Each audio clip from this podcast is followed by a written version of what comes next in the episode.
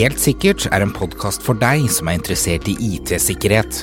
Her tar vi opp aktuelle nyheter, diskuterer dagens sikkerhetsutfordringer og deler gode råd for hva du bør tenke på rundt sikkerhet.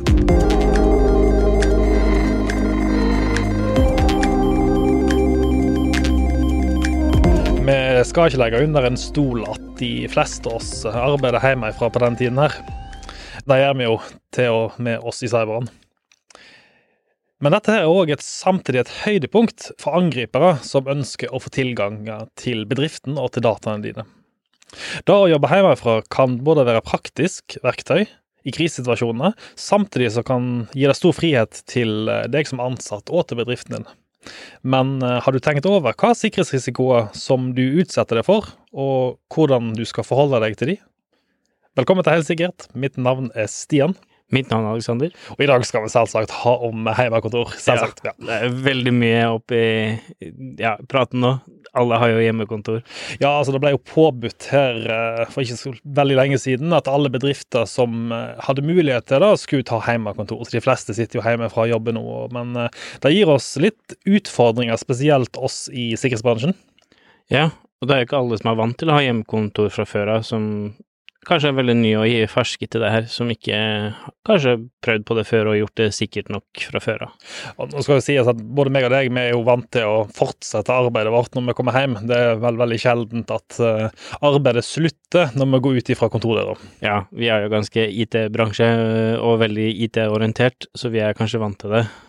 Så det, er litt dumt. Hva er hjemmekontor? De fleste sitter jo på et eller annet type hjemmekontor nå som Men altså, det, det er jo da jobbing hjemmefra, rett og slett mot bedriften eller mot kontoret, eller mot en arbeidsoppgave. Ja, for noen har jo liksom løsninger der de må inn på kontoret virtuell VSI, kanskje på en, eh, en, form for login eller en VPN eller et eller annet sånt. Selvsagt. Det, det, er jo ikke alle dette her gjelder. Det gjelder de fleste, som sagt. 80% av arbeidsstyrken i Norge jobber jo nå hjemmefra, og de, vi snakker jo selvsagt ikke om sykepleiere og leger, men leger har jo faktisk begynt å ta i bruk hjemmekontor, iallfall videokonferanseløsninger, de òg, så, så det, det sprer jo seg, heldigvis. Ja, og det gjør at folk kan sitte i isolasjon og jobbe. Så da tar vi oss litt inn på hvordan skal du egentlig jobbe sikkerhet hjemmefra? Hvem er det som vanligvis jobber hjemmefra, ikke nødvendigvis bare i en krisesituasjon? Hvordan skal vi få koble oss opp mot uh, jobbfunksjonene våre på en sikker måte, ikke minst? Så um, hvis vi ser litt på hva type heimekontor vi har, da. Ja, altså, du har jo en veldig klassiker der du har en bedrift som er veldig cloud, alt i clouden. Yes. Og, yes.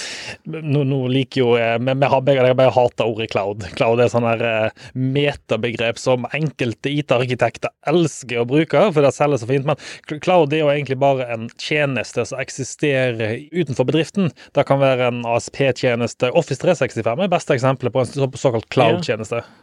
Og, og, det er noen som kanskje har eh, kommet i bedriften der de har full cloud-løsning og ikke trenger å koble inn på noen løsninger på kontoret. Og de jobber jo kanskje da på hjemmekontorløsninger nesten uansett. Vi har jo ganske mye folk til oss som jobber hjemmefra, og det, det, skjer ganske mye forskjellige måter. Det skjer via videokonferanse, vi har eh, Teams, for eksempel, Microsoft Teams, som veldig mange bruker til å kommunisere sammen. Skype, man har forskjellige arbeidsområder. Noen bruker Office 365, noen ligger i Google Documents. Noen kobler seg opp mot løsninger som er faktisk på bedriften, fordi at de har ikke disse her skytjenestene som vi snakker om. Yeah. Og du ser jo veldig mye på, mer og mer på sosiale medier også når det kommer i bedriften der de bruker sosiale medier for å kommunisere med kunder og sånne ting. Ja, ikke minst. Altså, eh, Samboeren min, for eksempel, de ja, jobber i bibliotek. Eh, og der bruker de Facebook for å kommunisere med studentene. Fordi at det er en plattform der de fleste studentene eksisterer allerede, og det er en plattform som eksisterer fra før, så de slipper å sette opp et eget system for det. Ja, og, og sånne løsninger gjør at det er enklere for mange å ha hjemmekontor, da. Men uh, det, det, er noen sikkerhetsutfordringer som ligger i dette her. Det er jo ikke alle som har vært forberedt på, uh, på den, den, koronakrisen som har skjedd nå. Iallfall ikke forberedt på hjemmekontorbiten. De fleste av oss har iallfall unger hjemme som flyr rundt. Og nå har jo jeg vært innenfor en del bedrifter tidligere, og det har jo du òg. Ja. Og vi ser jo fort at jobb-PC versus fritids-PC, det er en diskusjon som, som ofte vi som sikkerhetsansvarlige tar med, med bedriftene. Ja, for ofte så har du en hjemme-PC du har brukt til gaming og andre ting, og kanskje vært litt friere og har full admin-rettighet og kan Mhm. installere hva du vil. På bedriftens PC så har du kanskje in- ferdiginstallert sikkerhetsprodukter, du har bare brukt den til de tinga du har låst ned. Kanskje en sikkerhetsansvarlig i bedriften har vært flink og gjort Ja, hvis du har en sikkerhetsansvarlig eller en IT-partner som fokuserer på sikkerhet, det er dessverre ikke så mange av de. Ja, og du har kanskje fått tredd over en policy der du må følge ting, ikke sant. For, det skal jo sies at eh, så jeg har jo vært borti datamaskiner der vi har eh, Vi har brukt et verktøy som heter Carbon Black. Det er egentlig eh, det er et verktøy som brukes for prosessovervåkning. Så det, da vi egentlig gjør, at vi går inn og ser hvilke programmer som kjører på PC-en, og så varsler vi på det. Eksempel hvis det kommer en trojaner, så ser vi at den har kjørt en X-fil, og så kan vi spore ned helt ned til hvilken applikasjon som har starta den applikasjonen igjen. For Mm. et Excel-dokument som har da spåna en PowerShell, som har, så videre. Ja, du får kanskje en Excel-dokument på e-post, og så åpner du det, Yes, og så sant? Og det har jo vært tilfeller der vi da ser at um, vi har funnet f.eks. Steam inne på PC-ene. Eh, Steam er jo da, for de som ikke er helt kjent med det, det er en, en spillklient. Eh, brukt for å laste ned og installere spill. Og i utgangspunktet så er ikke det en farlig applikasjon, men det blir fort en farlig applikasjon når vi finner det på en, på en kunde-PC. Eh, og grunnen til det er jo fordi at når de har installert sånn type applikasjon, hva andre ting har de? Eh, og er det da den personen som eier PC-en som er installert, har de, eller har de lånt vekk PC-en til ungene sine, for eksempel, for at de skal kunne spille på den? Ja, og det er jo ofte at noen som har jobb-PC, også har lånt bort PC-en til ungene, bare for å være litt grei og kanskje Får de til å være stille? Ja. Eh, og og det, da kanskje det blir installert ting som ikke burde være på de maskinene. Det- Vi ser fort, vi ser jo fort at det drar andre ting inn på de datamaskinene som er mye mer sårbare, fordi unger de har vel ikke kanskje den tank, sikkerhetstankegangen som voksne har. Iallfall ikke Altså, de klikker inn på mye mer rart, og det kan være websider som er farlige. Det kan være phishing-sider, eksempel. Eh, utgi seg for å være Facebook, og så logger de seg på med eh, Kanskje ikke engang se på engang. Kanskje de bare bruker en ferdig innlogger. Ja, du blir jo kanskje oftere fisha fordi du, du har kobla på sosiale medier på den maskinen og bruker det som faktor for å inn på nye tjenester og sånne ting. Og eh, de, de som har tatt i bruk hjemmekontroll allerede, de har jo allerede implementert sikkerhetsfunksjoner på datamaskinen sin. F.eks. sånn som låseskjerm. Det er jo noe vi absolutt anbefaler til alle, uansett om du er på hjemmekontor eller om du er på jobb. Ja. Eh, kort fortalt låseskjerm, Alex. Går du fra PC-en, lås den. Yes. Eller så kommer det sånne som meg, som er veldig morsomt, og, og fikser litt på Facebooken eller et eller annet Ja, det kalles for rickrolling. eh, Yes. Mm. Så lås PC-en, eller så kommer det noen. Hvis ikke det er meg, så har det sikkert noen andre som har mer hensikt med å skade, som ville gjort det. Og det er litt sånn moro, fordi at uh, normalt sett så skjer, er det jo sånn policy som skal se til at dette skjer i en viss tidsperiode. Normalt sett fem minutter. Eh, Fem minutter er et veldig fint tidspunkt. Er du vekk fra PC-en med fem minutter, så skal PC-en låse seg. Jo, det, men det er en sikkerhetsting i tillegg. Jeg vil jo absolutt anbefale at alle som Låser sitter på Med en gang du går fra PC-en, bort fra keyboardet, lås PC-en. Vi har jo hatt en episode om fysisk sikring her tidligere, eh, der vi anbefalte bruk av eh, Kensington lock, som er denne her låsefunksjonen til datamaskinen. Men det de fleste tenker ikke på, kanskje, at eh, det er ikke nødvendigvis ondsinne, men du lar PC-en stå hjemme, og så får du et innbrudd, og så finner PC-en. Hvorfor ikke hadde ikke den jobb-PC-en låst fast? Ja, ikke sant? Det, det, det, jeg vil si at det er større sjanse for at noen eh, bryter seg inn mens du er på butikken og stjeler laptopen til selskapet ditt hjemme, enn det på jobb.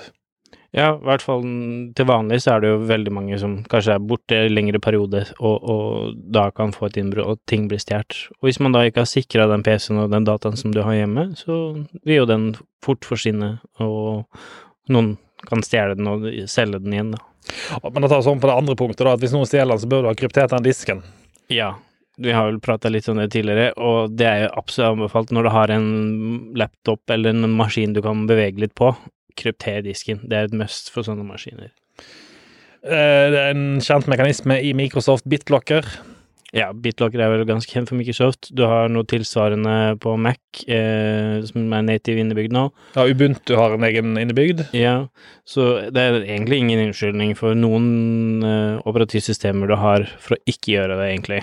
Nei, egentlig ikke. Det tar oss litt inn på um, hvordan vi mer skal sikre systemene, da. Fordi nå nylig så, um, så kom det en uh, ny oppdatering til en ganske kjent trojaner som heter Trickbot. Det er en uh, banktrojaner. Den brukes til å og å samle inn bankinformasjon, rett og slett, eh, kontoinformasjon. Når du logger deg inn på nettbanken din, så kan den sette i gang overføringer fra nettbanken. Eh, veldig effektiv. Eh, en eh, effektiv bot. Den kom nå med en ny funksjon som gjør at den er mulig å angripe RDP-tilkoblinger. Eh, Og RDP-tilkoblinger har vi dessverre innen sikkerhetsbransjen hørt altfor masse om. Ja, og nå når vi har alle har hjemmekontor, så har vel de aller fleste begynt nå å høre kanskje om sånne løsninger for å koble seg til jobbmaskin på hjemmefra eller et eller annet sånt også. Det da Eh, så RDP-løsning er jo bare en remote desktop der du styrer en annen maskin, ikke sant. Så og, det begynner jo å bli mer og mer av, bare for at folk skal få lov til å få hjemmekontor nå, så har jo kanskje folk satt opp en RDP-løsning som gjør at alle kan jobbe hjemmefra. Og vi ser jo dessverre at den tjenesten har jo blitt enormt mye brukt for å spre ransomware også. Ja, da, da ser vi i, eh, på sikkerhetssenteret vårt hver dag at vi ser eh, angrepsforsøk mot RDP-servere til kundene våre. Og litt av som du sier, er jo at grunnen til at man får disse såkalte RDP-serverne, eller terminalserverne, er jo fordi at det nå har kommet et behov for ganske mange å få det hjemmekontorløsning. Mm. Og så har man kanskje ikke hatt løsninger for det tidligere. Man har f.eks. ikke hatt en VPN, eh, og en VPN det er jo da en privat tunnel inn til eh, bedriften eller til et sted. Vi skal ha en egen episode om det om eh, to uker. Jeg anbefaler å følge med på denne episoden hvis du ønsker å vite mye mer om VPN og hva løsninger som finnes. Men, eh, men der, der er jo da dataene kryptert. Det vil si at ingen kan snappe det opp på veien, eh, og det er en privat tunnel da som går fra din datamaskin og inn til arbeidsgiveren. Ja. Eller fra en device du har hjemme, eksempel inn til arbeidsgiveren. for så det kommer litt an på hvilken løsning du har. Men eh, det, det krever litt mer å sette opp. Eh, I hermetegn. Det krever egentlig ikke så mye mer eh, hvis man har gode system bak, men det er mye lettere å sette opp en RDP-løsning. Eh, fordi at du aktiverer bare en tjeneste på en server. I teorien så trenger du bare å åpne i brannmuren og åpne opp en port og sette på eh, portforwarding, eller tilsvarende. Eh, og så er serveren eksponert mot internett. Ja, Og det vi ofte ser nå, at eh, det, det er ikke så veldig mye hacking de hackerne, eller de angriperne som gjør for å komme inn på sånne RDP-løsninger. Mer og mer så ser vi det at de driver litt med phishing på en annen sted, eller Mhm. stjeler en database fra en annen leverandør, f.eks. for eksempel Facebook, og så ser de det at den brukernavnet og passordet du har, har de gjenbrukt flere steder, og så logger de bare inn. Så en RDP-løsning uten en tofaktor behøver ikke være sårbar øh, Altså, du trenger ikke ha ikke ha patcha den for at den skal være sårbar, eksempel. Støtter RDP i utgangspunktet tofaktor, uten å bruke noe imellom? Du får tofaktorfunksjoner eh, på RDP også, hvis du vil. Helt vanlig RDP i Windows eh, Ja, altså, du får, 2016? Du får det hvis du legger til noen moduler og sånne ting. Ja, så det er så uh, trepartsprogramvare for å få eh, Ja, sånn, ja. Men, men eh, for eksempel eh, tofaktor for eh, remote desktop gateway, som absolutt anbefaler hvis man skal bruke en, eh, en, en RDP-løsning, bare for at det gjør det enda sikrere. Vil kort, hva gjør, en, hva gjør den gatewayen i forhold til en vanlig RDP? eh, en vanlig RDP, så åpner du et RDP-program på maskinen din hjemme, for eksempel, Mhm. og kobler det til. Med en RDP Gateway så kobler du deg egentlig inn på en webside der du logger inn med din vanlige bruker, og da eksempel får tofaktor. Du Mhm. kan da bruke Microsofts uh, tofaktorløsning hvis du vil, du har en, hvis du har en 365-konto. Og derfra kan du da trykke på en link for å da koble deg automatisk inn på RDP mm, til desktopen eller eh, serveren på kontoret. Så blir det liksom en, et mellomlag, da. og Da mellomlaget vil du normalt sett plassere en DMZ eller en, i hvert fall en sånn mellomsone, slik at du ikke har tilgang rett inn på nettet. Ja, altså eh, for de som er litt teknisk, så blir det da en SSL-VPN eh, som du da logger på fra en webside, og så lager den en tunnel, så du kan da putte RDP-koblingen inn i. Det, det, det er en eh, Det høres komplisert ut. Er det komplisert? Nei, uh, Microsoft har gjort det veldig enkelt, uh, å kunne sette opp sånne ting, så det er mm, mange guider. Vi har f.eks. en guide på våre sider på hvordan du skal sette opp det trinnvis. Og det er ikke noe spesielt vanskelig å sette opp. Nei, og gjøre en hørt- veldig god sikkerhet. Jeg har vel hatt noe rykte om at den, den bloggposten der er vel en av de mest besøkte. Ja, vi ligger vel på topp eh, to eller tre, eh, hvis man googler det. Jeg, jeg tror ikke det er mindre nå etter forrige uke, for å si det sånn. Nei. Så måten vi kobler oss til da på hjemmekontor eh, de, fleste av oss har jo kanskje en laptop. Noen har kanskje stasjonær PC. eh, Noen har kanskje sin egen stasjonære PC de bruker, noen sin egen laptop. Ja, jeg må jo bare si det. I det siste så har jeg jo sett flere og flere som reiser rundt og henter skjermer og maskiner fra kontoret og tar med hjem, og det, det, det, Tror vi, nye tider. vi ser vel for oss at dette kommer til å vare en liten stund, eh, vil jeg nok tro. Så vi har jo trådløst nett, vi har kablenett hjemme, vi har mobildata, vi har mange forskjellige løsninger å koble oss opp på. Hva er egentlig sikrest? Eh, Det, det er et riktig svar, et galt svar her, men jeg skal ikke si det. Altså, det sikreste for å koble seg på, på ting hjemme, og det, jeg vil absolutt anbefale det uansett om vi snakker om sikkerhet eller ikke her, funksjonalitet, bruk en kabel hvis du har mulighet. Eh, veldig mange har nok opplevd allerede at hvis de sitter på trådløst, så Mhm. kan det variere veldig hvilken kvalitet du får når du skal bruke det som hjemmekontorløsning. Ja. Eh, ofte fordi at trådløst kan bli mye støy på, eksempel andre som bruker mye trådløst i nærheten, og det er mange på en gang som lager mye støy, Mhm. eller andre devices, sånn som ofte kanskje en gammel mikro og sånne ting, kan ofte lage støy og, og gjøre at sånne ting går dårlig. Og skal, skal jo sies at noen har alle jobben hjemmefra, og flesteparten av oss, eh, i hvert fall av de som sitter hjemme, de sitter på trådløst. Og bruken av trådløst, i hvert fall hvis, jeg- hvis jeg hiver opp wifi-analyseren min, så ser jeg at eh, det er ekstremt mange som sitter og bruker trådløse nett for tiden, og at det er veldig høy kollisjon i nettet. For da man skal huske på at i en vanlig sånn 80254G, kanskje det stemmer, Uansett, den gamle standarden så er det vel 14 eller 15 kanaler. Ja, og ofte så kommer devicene du har kjøpt enten på Elkjøp og sånt der hjemme, eller du får fra ISP-en din leverandør, den er kanskje ofte satt på preset på én kanal, Yes. så du har nesten hele nabolaget på samme kanal. Så får jo ofte mye støy, men det er, det, det, sikkerhetsrisikoen med trådløst det skal ikke vi snakke så veldig masse om, for vi har en egen episode og snakker veldig mye om dette her med spoofing av trådløse nett. Men det er vel kanskje å minne på folk at det skal veldig lite til å spoofe trådløse nett. Ja, og, og det, det er i hvert fall for de som er litt noensinne, og, og veldig lett det at å disconnecte og prøve å finne ut ting. Så hvor mer trafikk som går på, på det trådløse, hvor lettere er det for sånne å hente ut de dataene de trenger for å komme inn på nettet ditt.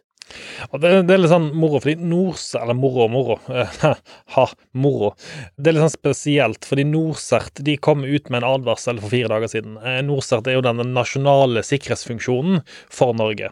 Eh, alle land har en egen CERT. SERT CERT står for Computer Emergency Response Team. Yes. Eh, og hvert land har sin egen. Eh, Sverige har sin, Danmark har sin. Eh, Den svenske og den norske CERT-en de kom ut med en advarsel for fire dager siden, der de skriver at eh, hjemmekontoret har ikke den vanlige sikkerheten som bedriften din har. Men tilgang og funksjonalitet er ofte de samme. Ja, og så ofte så ser vi at selv om vi prøver å fortelle alle at de burde ha en arbeidsstasjon som de tar med hjem og mm, kobler seg på nett og bruker den som hjemmekontorløsning, så er det jo fortsatt veldig mange som bruker eh, en stasjonær maskin hjemme som de har brukt til gaming eller, Mhm. eller andre typer ting eh, i familien. Eh, og, og de kan jo ofte være infisert med mange ting. Eh, Jeg vil si at mest sannsynlig så er de infisert med masse ting. Eh, ja, for hvis du har unger, unger som laster ned ting, altså pirat, piratkopiering av programvare. Eh, dette er litt interessant, fordi vet du hvor mye virus det eksisterer blant piratkopiering? Veldig, veldig mye. 95% av alt som blir piratkopiert, inneholder en eller annen form for virus. Du kan tilbake i tid og sjekke etter. Og grunnen til det er et, det som kalles for en crack. En crack innenfor spillverden, det er en, en exe-fil som har blitt modifisert til å deaktivere de sikkerhetsfunksjoner som skal gjøre at eh, som skal gjøre at du ikke kan spille spillet uten en gyldig nøkkel. Ja, eller mods til et eller annet game, eller et eller annet sånt som folk har veldig ofte laster ned, som er en trepartsting som ikke ofte kommer fra en stor leverandør, men kommer fra noen mindre. Og, nettopp, og disse krekkene de inneholder kan være gode. 95% av de inneholder et eller annet form for virus. For det, er en veldig enkel måte å spre virus på. Ja, og vi ser jo til og med det, i bedrifter som har god sikkerhet og låst ned maskinen sin, og, og på en måte bare bruker den i bedriften til å gjøre jobben sin, så er det fortsatt i hvert fall ukentlig maskiner som kommer med, med noen form for prøver å starte noen form for ransom, nei, ransomware eller eh, Virus, eller et eller sånt. det kan være shareware for den saks skyld, som inneholder noe som samler informasjon. Og da når du ikke har en ordentlig beskyttelse uh, på en maskin, sånn som kanskje ikke alle hjemmemaskiner har, så vil nok de kunne leke og leve i en sånt miljø lenge. Og det, det som jeg kanskje ikke tenker på, er at uh, den private PC-en som jeg snakker om, som du bruker til arbeid i dag eh, Du har kanskje installert VPN på den. VPN gir jo deg som sagt tilgang direkte inn til selskapet ditt. Ja, og, og kanskje ikke alle har egentlig tenkt litt på det men altså, en VPN er egentlig det samme som å koble maskinen din, ta med maskinen din på jobben, koble den på nettverket hjemme, eller på jobben. På jobben, ja. Fordi du lager en tunnel helt inn til jobben din. Yes. Normalt sett så er det ikke så veldig mye regler mm, mellom de to tinga. Jeg kan garantere deg at nå i disse tidene som er i nå, så setter man opp sånne løsninger helt til å tenke uten å tenke, ta en risikovurdering og tenke gjennom hvilke utfordringer og sikkerhetsmessige utfordringer man utsetter seg for. Da kan jeg garantere. Ja, og jeg som sikkerhetsperson ville jo i hvert fall strupa ned sånn at kanskje en VPN fra et hjemmekontor kun får lov til å gjøre en RDP, eller kanskje åpne noen filer, mm. men fortsatt så er det ganske stor risiko med en maskin som da ikke har noen beskyttelse fra på en hjemmeløsning. Du kan jo tenke deg sjøl at den PC-en du kobler deg inn på nettet For det første skal han ha tilgang til en RDP-server. Eh, Den skal også kanskje ha tilgang til en filserver, for den skal hente ned noe som slags filer du snakker om. Den skal tilgang til e-postserveren på bedriften, for du må jo kunne sjekke e-post fra Outlook fra klienten. Eh, Du må mest sannsynlig ha tilgang til et stemplingssystem, for du må jo kunne stemple deg inn. Et, kanskje et lønnssystem, økonomisystem. Og så baller det bare, på seg. Kanskje du må tilgang, ha tilgang til eh, management på servernettet, for eksempel. Fordi at du er IT-administrator. Og, og vi har jo nylig da opplevd i hvert fall to scenarioer eh, der hjemmemaskinen har blitt brukt til å sende kryptovirus fra hjemmemaskinen inn til kontormaskinen eller serveren på kontoret, og kryptert ned masse filer og masse maskiner eh, fra den ubeskytta hjemmemaskinen. Dette her er jo ikke noe nytt sånn sett. Kriminelle har jo en tendens til å følge med på samfunnet like mye som vi følger med på samfunnet. For eksempel dette hytteforbudet som nå kom for ikke så lenge siden. Det, det er et sånt type eksempel på et sånt type forbud som er ikke helt gjennomtenkt. Fordi man forbyr nå for folk til å reise til hyttene sine, sant? Eh, Og kriminelle vil jo da tenke ha-ha, ingen reiser til hyttene, så da angriper jeg hyttene. Fordi hvis ikke det er folk der, så kan jeg gjøre innbrudd der. Og jeg vet da at naboen til den jeg holder på å bryte inn i, er ikke tilgjengelig til å varsle noen andre. Så jeg vet at jeg er trygg i hele hytteområdet. Og selvsagt, noen har jo da alarmsystemer. Men det, det vi fort ser, er at når de da får beskjed om å reise fra hyttene sine, så sier de ja, vi trenger ikke alarmsystem heller, det er ikke så farlig. Sant? Altså, det er jo ingen som skal være her men noen andre passer på. Mm. Og det er litt sånn i bedriften også nå. For nå vet de som angriper, at det finnes veldig få som oppholder seg på bedriften sitt område. Så altså, jeg kunne sikkert valgt en bedrift i dag, random bedrift her i Oslo, gått ned, henta ut alt utstyret som eksisterer på den bedriften. Ja. Og, Uten problemer. Fordi det, det er egentlig ingen som er der, og ingen som passer på. Og det er jo det som jeg prata om tidligere også, at eh, angripere bruker alltid det svakeste leddet. Yes. Og hvis ikke du beskytter det svakeste leddet tilstrekkelig nok, så, så er det veldig enkelt. Og eh, det, det du må huske på nå, er at du har tatt PC-en din og putta den inn i et miljø der du har null kontroll på hva som eksisterer. Og med null kontroll så sier jeg at den datamaskinen som du har gitt ungene dine, eksempel, la oss si at du nå har en egen datamaskin, en jobb-PC. Uh, ungene har sin egen PC. Du putter PC-en din inn i et vepsebol. Det er det som å stikke hånda si inn i et vepsebol, egentlig. Du Ja. vet ikke hva som kommer til å skje, du vet ikke hva som eksisterer der inne. Det kan være helt tomt, eller det kan være full av veps. Ja, og sånn som hvis du har maskinen på kontoret, så har man en noenlunde kontroll. Man bruker ikke det, det nettverket til kanskje så mange hjemmedevicer, IOT-devicer og sånne ting som man har hjemme, ikke sant. Og så pluss at det andre ting da vil jeg nevne før vi går inn på akkurat den biten der, er at bedriftsnettene er ofte mye bedre sikre. Altså Man har da sikkerhetsselskaper sånn som oss, som har da sensorer som sitter og overvåker nettene, f.eks. Vi har eh, beskyttelse med nettverkssegregering, som vi snakka om i, i forrige episode. Vi har mange lag med sikkerhet som er bygd over tid inne i bedriften. Men hjemme Ja, der har du jo som regel ingenting. Eh, og da når du har kanskje en annen maskin på nettverket som er infisert med masse ting, som kan både enten lytte på nettverket eller infisere andre maskiner på nettverket, mm -hmm. um, så, så, er du en, en, veldig stor risiko for at kanskje ting skjer. Og, og, og sannheten er jo at de fleste som er der hjemme, har ikke segregert nettverkene sine på noen måte, så den laptopen som snakker om til ungene dine, den står på samme nettverk som ditt. Så hvis du har en tjeneste som er åpen på din PC, f.eks. sånn som RDP, som ganske mange har åpna på PC-en sin fordi de har ikke lukka den, rett og slett. Vi bruker den kanskje til fjernstøtte. Ja, og noen har vel også opplevd at de ikke får til en ting og slår til med av firewall noen ganger. Selvsagt. Fy, fy. Ja, vi skal ikke -hmm. Vi skal ikke nevne navn her, men vi har, eh, har eh, har folk som jeg kjenner som har gjort det.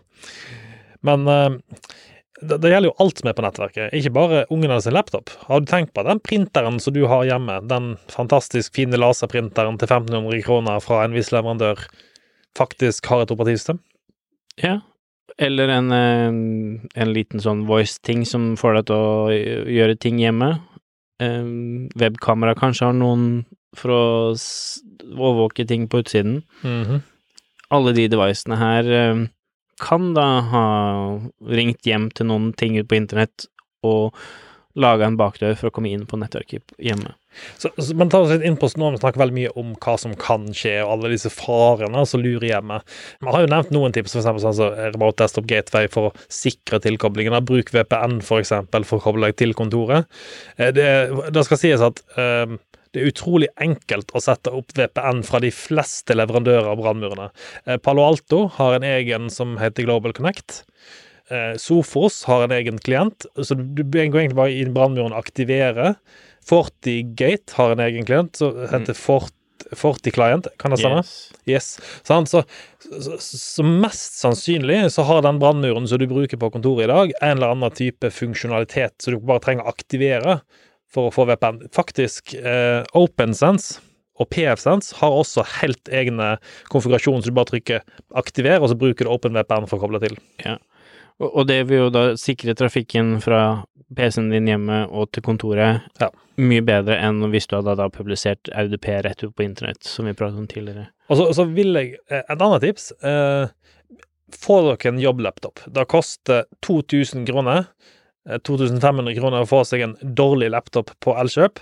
Men hvis alt du skal bruke den til, er en VPN til kontoret, også Office og sånne veldig enkle ting, så er det en ekstremt billig sikkerhet. Eller gå til IT-partneren deres og få en sånn eh, midlertidig hjemmelaptop som dere kan bruke akkurat nå i disse krisetidene.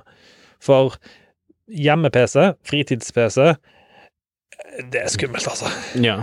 Så i hvert fall hvis du da må bruke hjemme-PC-en din til noe sånne ting, pass på, ha beskyttelse på den, ha en antivirus, og gjerne en antivirus som da har mer enn uh, bare antivirusdelen, at man kan beskytte for ensomhet og sånne ting. Og det er ofte at det, en sånn løsning kan koste litt hvis man velger en riktig løsning, men bruk de pengene på det. Ja, um, men jeg mener òg at i mange tilfeller, sånn som OpenSense PFSense er jo gratis. Den, den kan ja. du sette opp sjøl, og sette opp en VP altså helt gratis i utgangspunktet. Gratis i hermetegn. For det er uh, iallfall jeg som uh, jobber med infrastruktur og nettverk og sikkerhet, og du som har kommet fra den verden der, mm. vet at ting er ikke gratis selv om det er gratis. Det koster å sette det opp. Men iallfall nå for den, altså den spesielle tiden vi er inne i, det, det, er ikke noen grunn til at du skal bruke en RDP-tilkobling rett ut mot internett. Nei, i hvert fall ikke når det er så mye angrep og så mye sårbarhet rundt det. Og hvis du må bruke det, så vil jeg absolutt anbefale at du må enable en tofaktor på det. Ja. Men eh, et annet tema som, som har vært eh, diskutert, iallfall eh, ifølge varselet til Norsert, er jo phishing. Ja, og så nå som vi er inne i den situasjonen vi er i, så er veldig mange veldig på jakt etter nyheter, nye ting eh, ute der, og faktisk leiter etter mer informasjon. Mhm. Og det gjør at eh, folk som har lyst til å få litt mer tilganger, lager falske nyheter, putter ut mediating, sender deg informasjon, og da stjeler identiteten din eller uh, tilgangen din. Det er riktig. Eh, En undersøkelse som var gjort her for en uke siden, den viste at det var registrert over 2000 nye domener med ordet korona i seg. Altså phishing-domener som prøvde å hente ut informasjon fra folk som besøkte dem. Enten det var å prøve å exploite det, altså prøve å installere da viruset sant, når du besøkte websiden, eller websider som prøvde å få deg til å skrive en brukernavn og passord for å oppgi altså, opplysninger, kredittkort, kanskje måtte betale for å få tilgang til en viktig nyhetssak. Vi har jo til og med sett eh, falske testkit, altså koronatestkit, som kommer fra, US, eh, fra Kina til USA. Som ble stoppa på grensa til USA. Så, så, så selvsagt, de kriminelle prøver seg, og jeg, og jeg skjønner det på en måte godt. Fordi at, som du sier, svakeste leddet. Og svakeste leddet er jo i dette tilfellet da informasjon til folk. Folk som du sier ønsker å få tak i informasjon. Ja, og de, de er på jakt etter det, og, og kanskje ikke tenker seg så veldig mye om, for vi er i en situasjon der folk er litt Ja, føler at de, de, de er på en måte pressa litt, og at stressa og gjør ting uten Panikk, å tenke. Panikk, sant? Ja. Panikkfølelsen. Og et, et område som vi ser ekstremt mye av nå, iallfall inne på sikkerhetssenteret vårt, er Office 365. De fleste bedrifter har forhåpentligvis et, et um, erfaring med Office 365. Kort fortalt så er det rett og slett Microsoft sin Office-pakke i skyen. Så du får Outlook, du får Word, Excel, fillagring, altså SharePoint, på én plass. Du slipper å måtte ha det lokalt. Eh, det er en anbefaling om å gå ut til de fleste kunder i dag som har f.eks. interne e-postløsninger, og outsource de til Microsoft. Og, og rett og slett, det, det er ikke fordi at vi skal prøve å dra på Altså, vi selger ikke dette her sjøl. Eh, vi som sikkerhetspartner har ingen kontakter å selge eh, Office 365, bare sånn som det er sagt. Men det er jo rett og slett fordi at vi har vært borti kunder som har fått ransomware. Og ransomware har da gått tatt ned Exchange. De har kryptert de, og så sitter man der uten e-postmulighet, og kanskje også med Altså sliter for å få det tilbake igjen. Du har jo sjøl vært borti det der. Ja, og, og i hvert fall nå som vi kanskje sitter med hjemmekontor og deler mye mer eh, filer mellom hverandre uten å bruke de vanlige filserverne som man gjør på kontoret, man deler en fil her og sånne ting, så får man en mail, last ned denne filen fra denne, denne Mhm. personen, som vi har sett veldig ofte ligner veldig på en phishing-side fra mange eh, tilfeller. Det, det er akkurat da. Og du nevner phishing, og vi nevnte phishing i stad. Phishing for Office 365 er jo rett og slett som sagt sider som utgir seg for å være bedriftssiden sin, din. Uh, og det er utrolig lett for meg. Jeg, jeg kan i dag gå inn på hvilken som helst bedrift og kopiere bare hele den HTML-en, opprette for eksempel eh, har, La oss si at du har olanordmann.no. Så oppretter jeg Ola Nordmann med to n-er. Ja. Eller eh, opprette olanordmann.com. Ikke sant? Men vi har også sett phishing der du får en mail fra Office 365. Eh, du har fått en fil tilsendt. Eh, trykk på denne linken for å laste den ned, Yes. og så får du beskjed om ja, du må logge inn med ditt brukernavn og passord for å laste ned filen. Nettopp. Og så logger du inn med passord og brukernavnet ditt til Office 365 eller maskinen din. Mhm. Og, og så får du bare lasta ned en tilfeldig fil du kanskje ikke får åpna, og så har du gitt bort passord og brukernavnet ditt. Og så bruker du det igjen til å logge inn på bedriftens RDP-løsninger eller noe sånt. Det er akkurat det. sant? Og Det er et veldig målretta angrep, og det kan være et veldig lite målretta. Det kan være at de sender ut millioner e-poster, og når du får passordet så For det første så har de domenet ditt, fordi at du har jo e-posten din. Så de vet nøyaktig hvem de skal angripe, og bare kjøre automatisert angrep. Det kan være så enkelt som det. Så dette her er en av de tingene som Norsat var ute og advarte om, at phishing Du vil se at bedrifter blir mer angrepet. Eh, Vi snakka litt om, at, om al- alarmsystemet. Jeg vet da at det er ganske mange som sliter der ute i dag, eh, fordi at man ser seg nødt å permittere. Men jeg kan jo stille spørsmålet til dere som, som er der ute nå.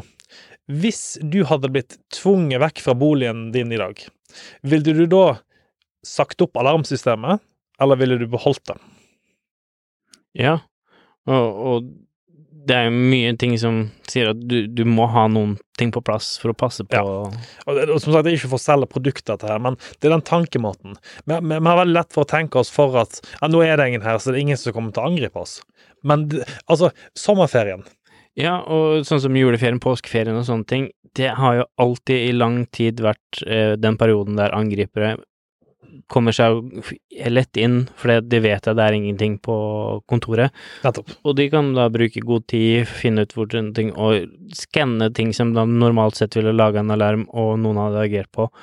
Så angripere har jo nå en stor eh, område de kan prøve å gjøre ting på uten at noen vil detektere ting, for det er ingen som passer på. Nettopp, og de fleste som sagt sitter jo Hvis, hvis du har satt på riktig, så sitter du på en VPN. Hvis ikke, så sitter du på en RDP-tilkobling. Men i mange tilfeller så er fortsatt PC-ene til de ansatte på kontoret De har kanskje lagd en midlertidig løsning, folk sitter på privat-PC. sant?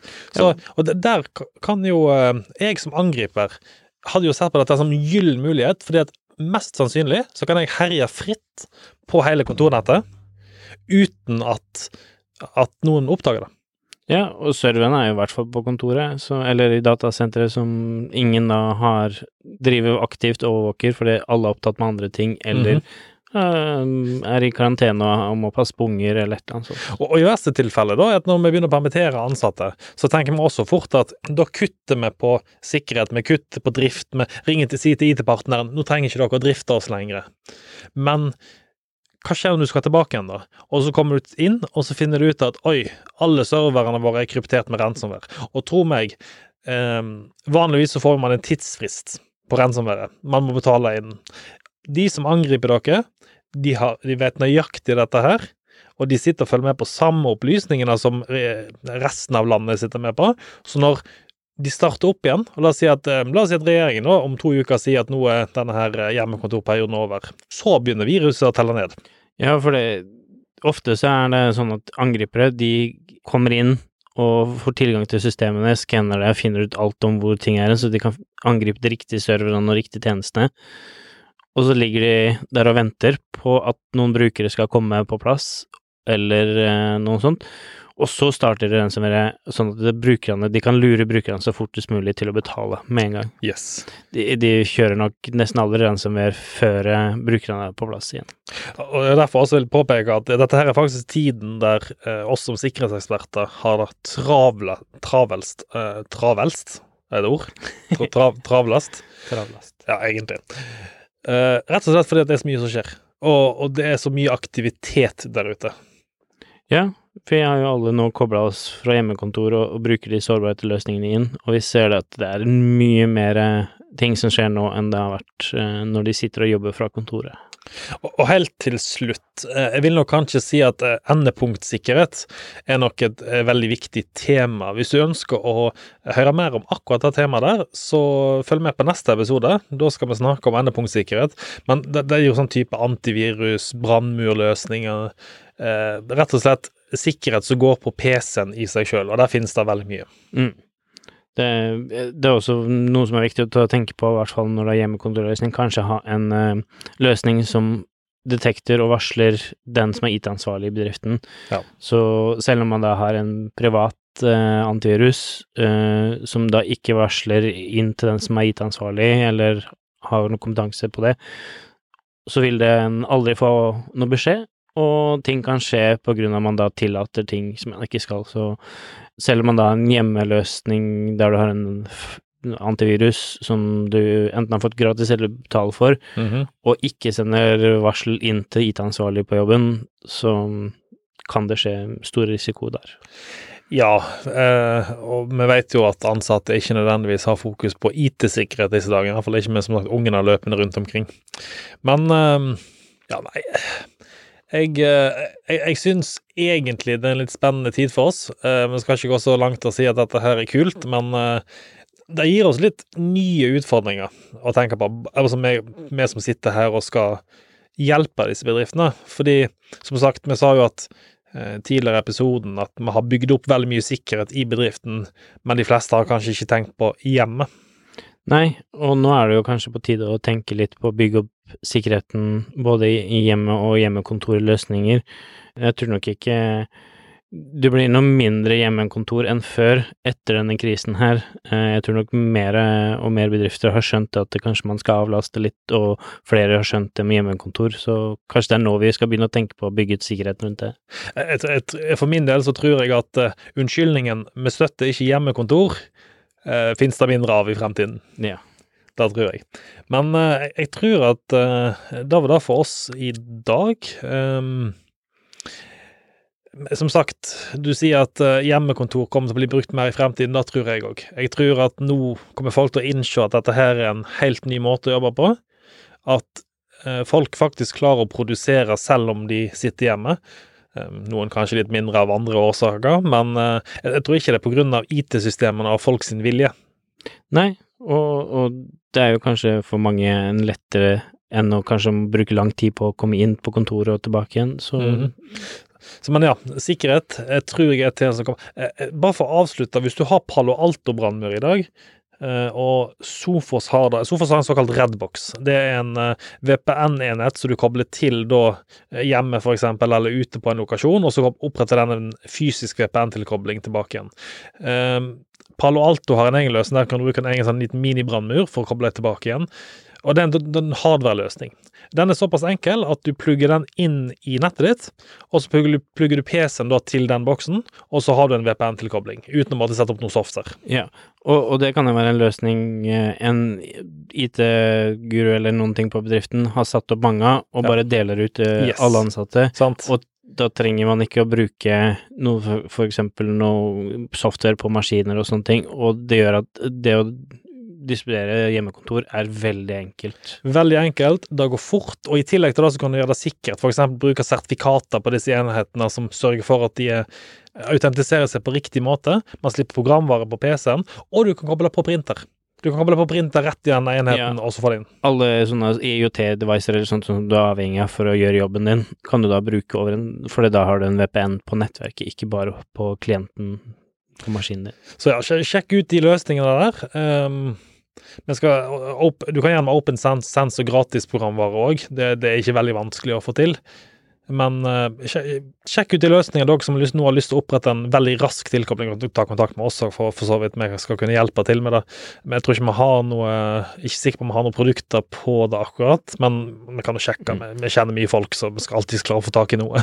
Ja, og kort før vi avslutter, en kort tips. Eh, hvis du sjekker brannmuren din om du har UPNP-en satt på, absolutt slå den av nå hvis du har mulighet, for ja. det, er en vei inn som veldig mange blir brukt.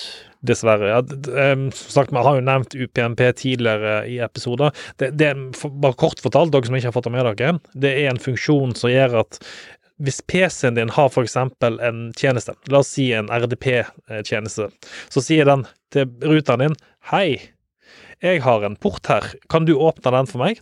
Og så sier ruteren ja, selvsagt.